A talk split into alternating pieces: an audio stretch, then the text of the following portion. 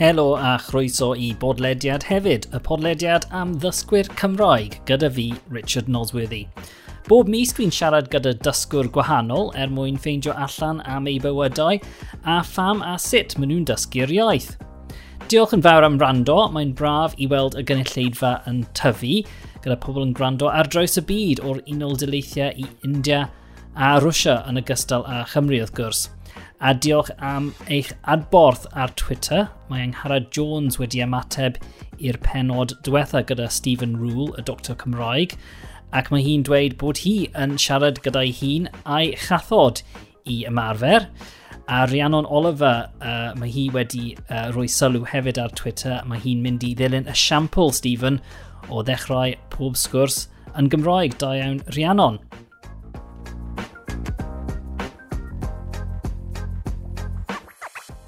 Wel, ein gwestai y tro yma ydy'r parchedig doctor Rosa Hunt, gweinidog capel o Don Teg ger Pont y Pryd. Mae Rosa yn dod o Ynys Malta yn reiddiol, ac mae hi wedi cael bywyd hynod o ddiddorol. Fel Cymru, mae Malta yn wlad fach gyda iaith ei hun yn ogystal â'r Saesneg. A siaradon ni am ei bywyd yno, pam a sut symudodd hi i Gymru, a'r profiad o ddechrau iaith a swydd newydd. Dechreuais i gan ofyn am ei bywyd yn Malta pan oedd hi'n fach.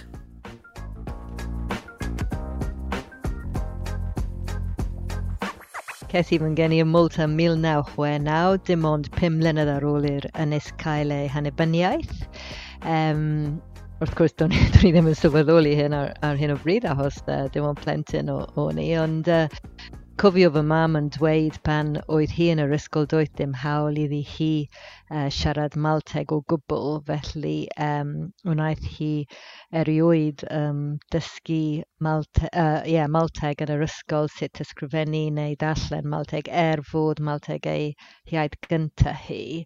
Um, roedd rhaid iddi hi uh, dysgu a siarad Saesneg uh, yn yr ysgol.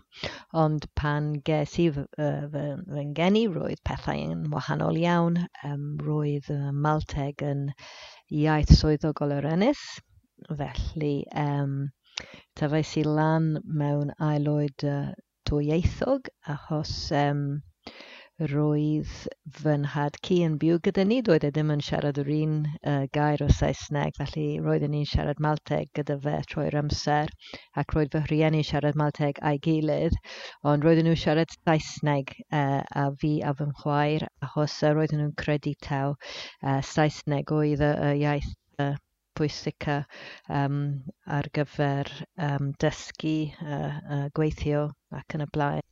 So felly, um, roeddech chi'n uh, tyfu lan yn ddwyieithog, fel mae llawer o blant yn gwneud yng Nghymru. Ie. Yeah.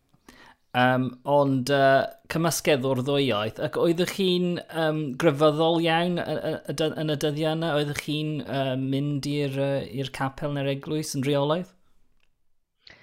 O'n, ie. Yeah, um, ar hyn o bryd roedd bron pawb yn mynd i'r eglwys. Um, uh, eglwys pabyddol, uh, eglwys uh, gatholig, achos roedd Malta yn ynys uh, catholig iawn ar, hyn, ar, ar, ar yr adeg. Um, felly, ie, yeah, es i ysgol catholig ac uh, i eglwys catholig gyda, gyda fy nheulu, ond pan o'n i'n 15 oed, um, roedd llywodraeth gyda ni a oedd yn bygwth uh, cau'r ysgolion, ysgolion catholig um, i gyd, felly uh, anfonod uh, fy rhieni fi a fy chwaer i ysgol Catholig Bresoel yn Lloegr. A felly dyna pam nathoch chi symud i Lloegr. So dim ond, um, dim ond y plant oedd wedi symud i Lloegr a, a, a, a rhieni yn aros yn, yn Malta? Ie, yeah, dim ond y ie, roedd fy rhieni wedi aros yn Malta, aethon ni i ysgol Brethoel, ie. Yeah. Ah, sut, sut oedd hynny? Oeddech chi'n teimlo yn unig? Oeddech chi'n hyreithi am uh, am eich bywyd chi adre? Wel, des i o deulu draddoddiadol iawn, um, ble nad oedd llawer o ryddid gyda'r plant. Um, felly, fi roedd yn cyffroes iawn i fod yhydig bach yn, yn fwy yn achos ro'n i'n 15 oed, um, dim ond 11 oed uh, oedd fy chwaer, felly dwi'n meddwl roedd hyn yhydig bach mwy anodd iddi hi. Ond uh, dwi'n uh, cofio gyda'r iaith achos um, er um, bod ni arfer siarad, siarad um, Saesneg yn Malta, roedd acen wahanol iawn i ni, felly roedd, roedd ni'n arfer dweud um, geiriau fel fire engine neu post office. Ac dwi'n cofio uh, clywed y, y plant posh yn siarad Saesneg posh ac ymarfer yn fy staffell gwely wedyn post office fire engine, just i trio swnio fel nhw. Dyna ni. A felly, um, ar ôl gadael yr ysgol, uh, beth nesaf felly? Uh, ai dyna pa, uh, pryd aethwch chi Ffrainc i fyw?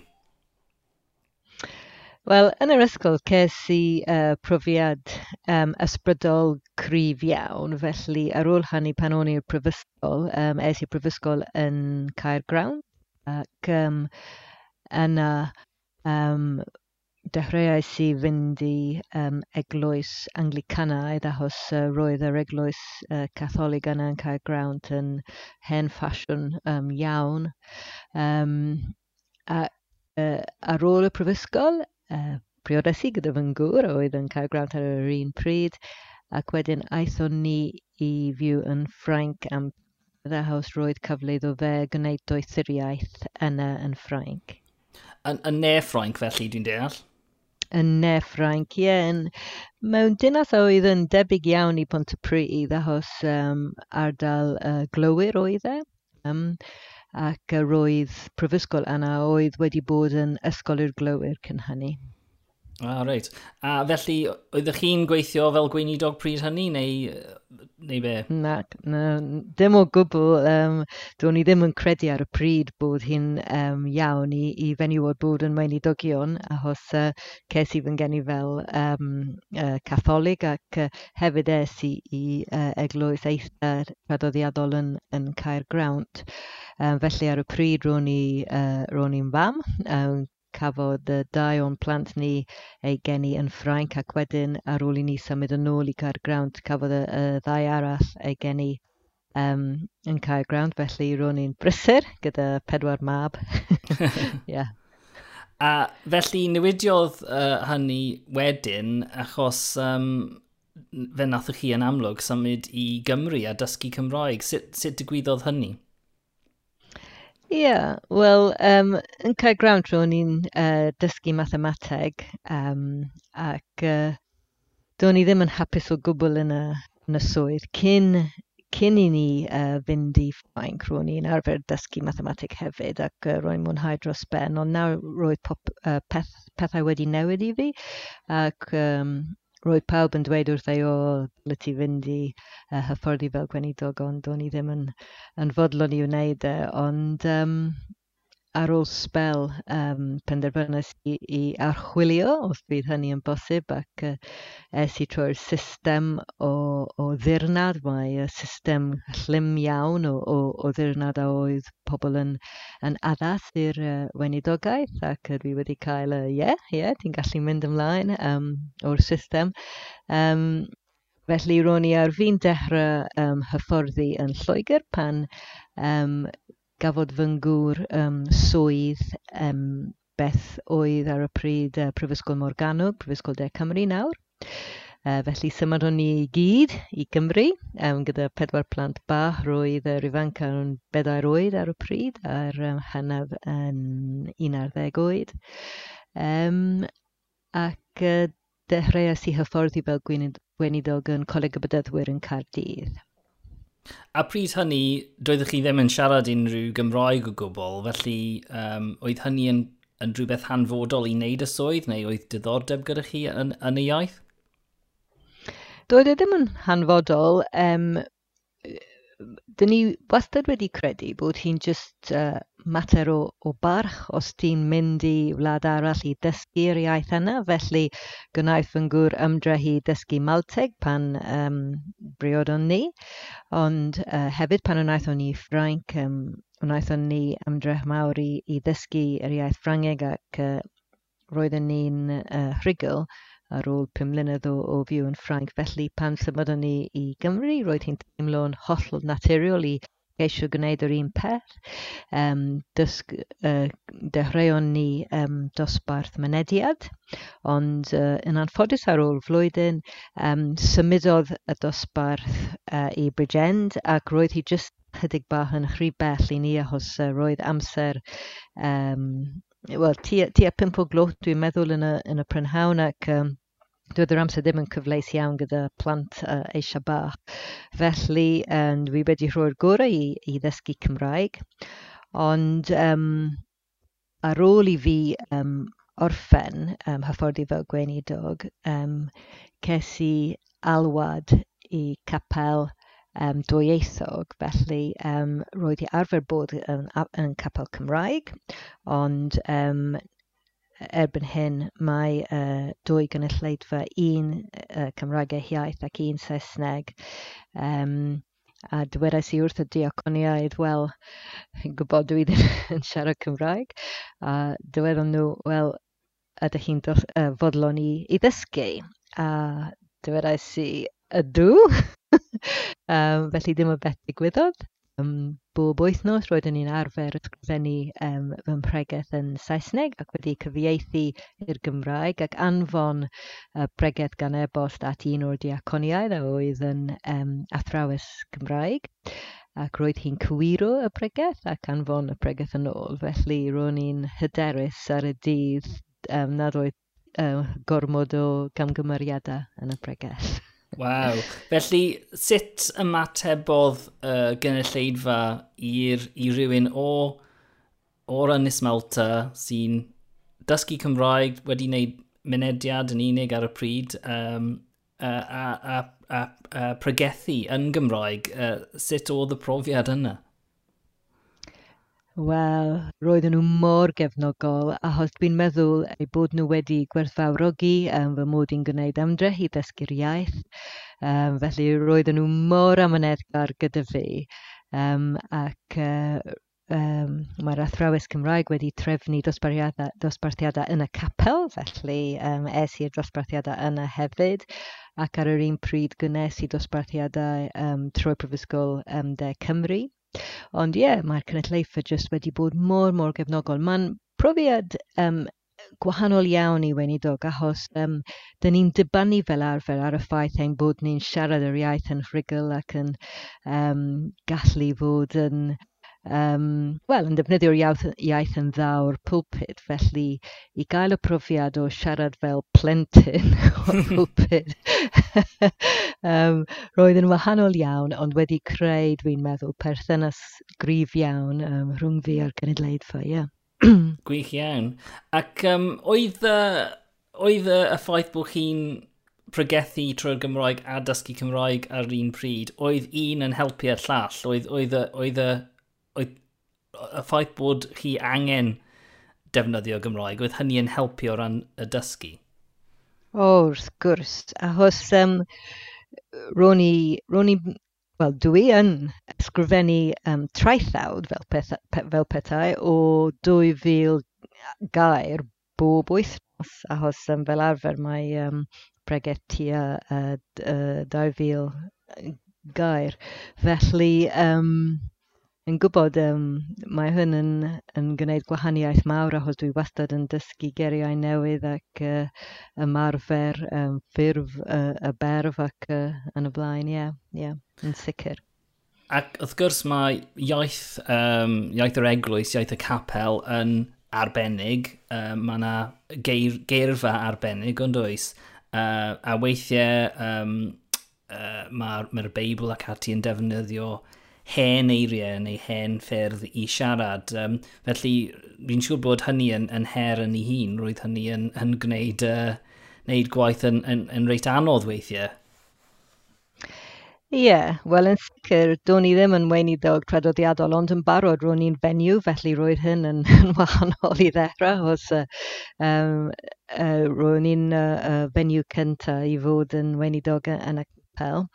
Um, Felly yn barod doedden nhw ddim yn, yn disgwyl gweinydd o traddodiadol, dwi'n meddwl.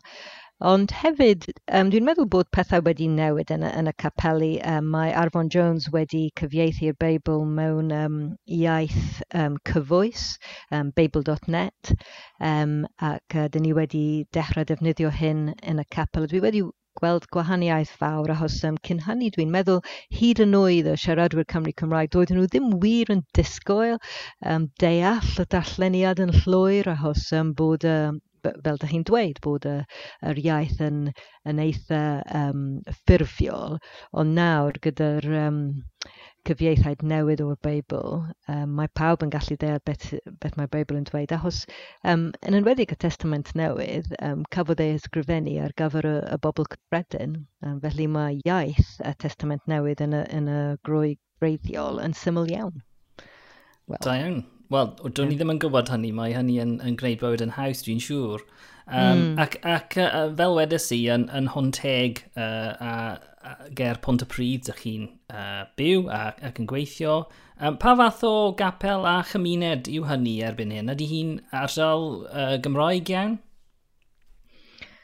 Wel, cyn i ni ddysgu Cymraeg, um, roeddwn ni'n meddwl nad oedd pobl yn siarad Cymraeg o gwbl um, yn, yn yr ardal, ond nawr dwi wedi um, dod o hyd i gymuned cudd yn bron o bobl sy'n dysgu Cymraeg ym mhobman, felly dwi'n meddwl bod llawer o bobl ond dwi ti ddim yn, yn clywed llawer o Gymraeg um, ar y strydoedd. Mae um, ysgol enfawr, ysgol Gartholwg, jyst um, deg metr o'n TV, os ti'n mynd uh, uh, dros y cae. Ac um, felly mae llawer o, o teuluoedd yn, yn anfon eu plant i, i ysgol Gartholwg. Um, ond ti ddim yn clywed llawer o Cymraeg pan mae'r plant yn dod mas o'r, o'r ysgol ar y stryd, maen nhw'n uh, tueddu siarad uh, Saesneg ar y ffordd adre, er enghraifft. Um, ond nawr dwi'n, nabod llawer o bobl sy'n sy siarad Cymraeg, mae'n bosib i fi gael sgwrs yn Cymraeg bob tro dwi'n mynd allan. Ond felly mae'r iaith yn, yn bwysig o ran cysylltu gyda'r gymuned. Uh, Mae'r ma ffaith bod chi'n cynnal gwasanaethau yn Gymraeg uh, yn, yn, dal, uh, yn dal i fod yn, yn bwysig. Mae'n hynod o bwys, achos mae crefydd yn rhywbeth sy'n mynd yn ddwfn iawn. Um, ac felly mae'n bwysig i bobl pan maen nhw'n sal yr er enghraifft, um, pan, ma, pan maen nhw'n gweddio, pan maen nhw eisiau siarad ar gweinidog am, am pethau uh, pwys. Mae'n pwysig iddyn nhw defnyddio um, eu mamiaeth. Um, achos dyma beth dyn ni'n gwneud pan dyn ni'n siarad am y peth sy'n mor bwysig i, i ni uh, pan o'n i'n siarad am plant neu pan o'n nhw'n fach, ro'n i arfer defnyddio'r Malteg achos ddim oedd y, y iaith a oedd fy mam yn defnyddio gyda fi pan o'n i'n sal neu actress neu beth bynnag. Um, felly dwi'n meddwl mae'n bwysig iawn um, i creu sefyllfa ble mae pobl yn gallu defnyddio'r um, ei mamiaeth os, um, os, os, os ydyn nhw eisiau. Um, ond hefyd mae llawer o, o ddysgwyr yn ein hardal ni. Um, falle oherwydd Gartholwg, um, ac uh, mae rhai ohonyn, ohonyn nhw yn dod i'r capel i allu ymarfer eu Cymraeg uh, yn, y, yn ystod y, y gwasanaeth a hefyd ar ôl pan maen nhw'n siarad â'r bobl eraill. Ac o ran dysgu'r Gymraeg, um, nathwch chi sôn am dysgu Ffrangeg wrth gwrs, tyfu, tyfu lan yn, yn ddwyieithog. Um, beth oedd y peth um, mwyaf anodd am, am Gymraeg yn enwedig i gymharu gyda ieithoedd eraill?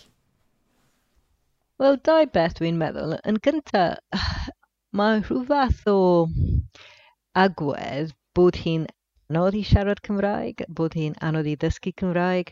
Um, felly dwi'n meddwl bod rhyw fath o disgwyliad a ni fydd hi'n posib i rhywun ddysgu Cymraeg. Um, a dwi ddim wedi dod o draws hynny yy mewn gwledydd eraill, uh, er enghraifft pan symudais i i Ffrainc roedd pawb yn disgwyl um, bydd pobl yn yn yn dysgu Ffrangeg ac mae'n hollol bosib i wneud e, felly dwi ddim yn siŵr pam ond mae rhyw fath o o ddiffyg hyder um, o gwmpas y y syniad o o ddysgu Cymraeg. Dwi ddim quite yn deall pam.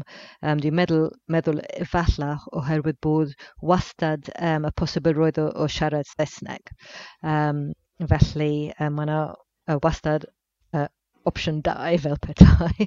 um, ac uh, hefyd y, y peth arall sy'n wahanol gyda Cymraeg, does dim um, un Gymraeg safon o sy'n sy bodoli. Os ti'n mynd i'r gogledd neu i'r de neu'r gorllawen, um, neu hyd yn oed um, ynglyn dysgwyr, mae'r gramadeg a hydig bach yn, yn wahanol.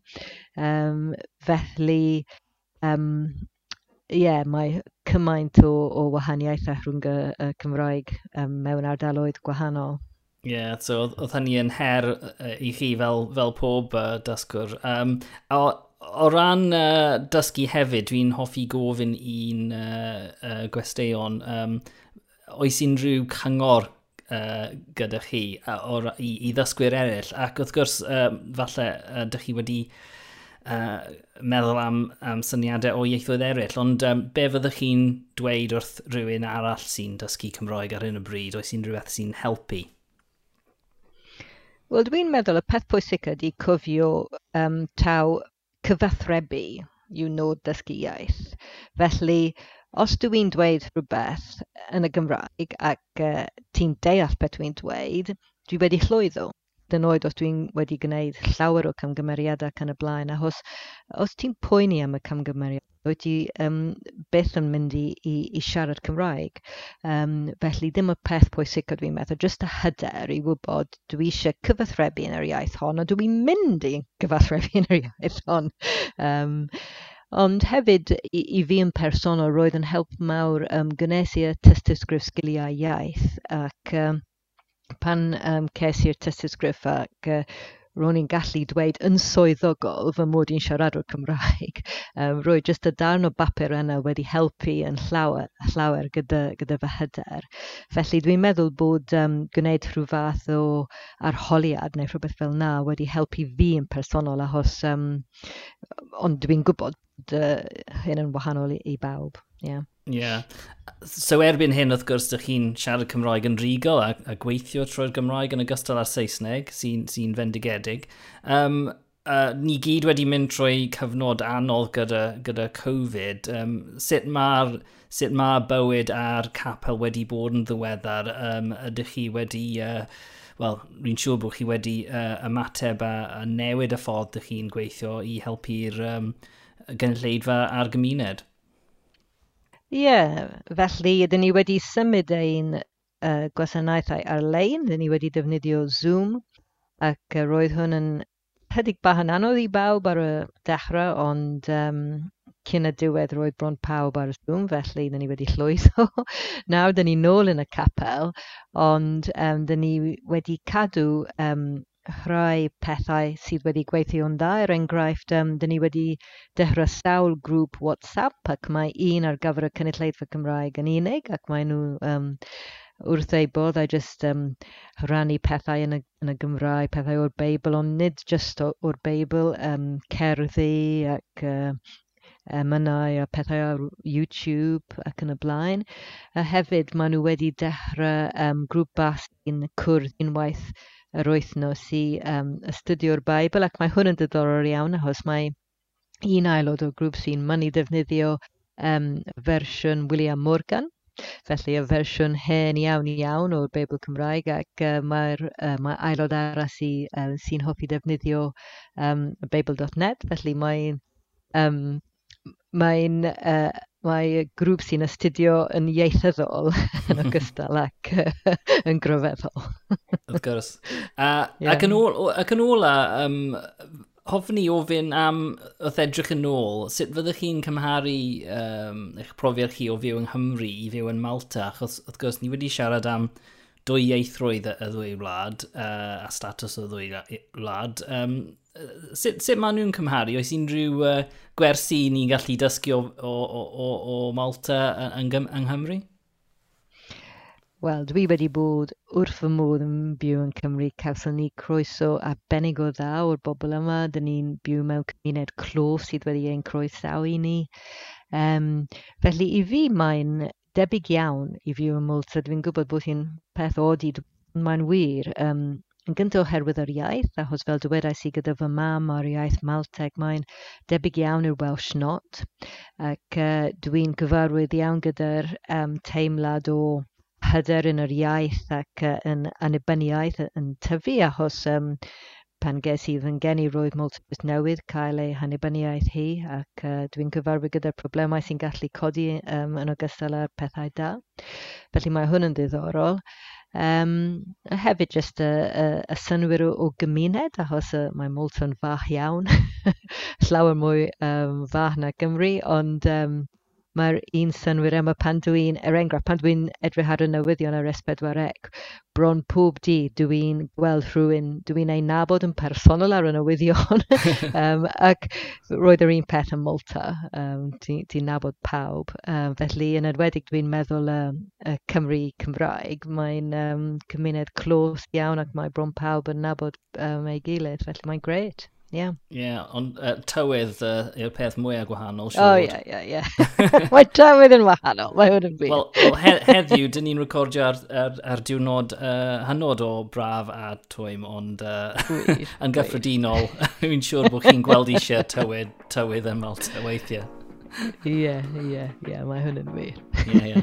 Wel, diolch yn fawr am ymuno a fi ar, ar y podlediad a, a phob lwc gyda popeth uh, dych chi'n neud. Diolch yn fawr iawn. Diolch, diolch yn fawr.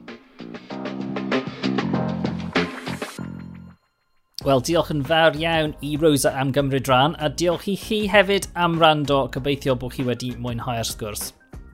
Mae mwy o fanylion am y penod yma sy'n cynnwys geirfa, wrth gwrs, a mae hynny ar gael ar fy ngwefan ni. Mae yna link yn y nodiadau. Mae yna blas ryngwladol i'r penod nesaf hefyd. Dwi wedi siarad gyda rhywun o America sydd wedi dysgu Cymroeg dros y we. Er mwyn clywed y sgwrs yna, tan ysgrifiwch ar Apple Podcasts neu eich hoff app.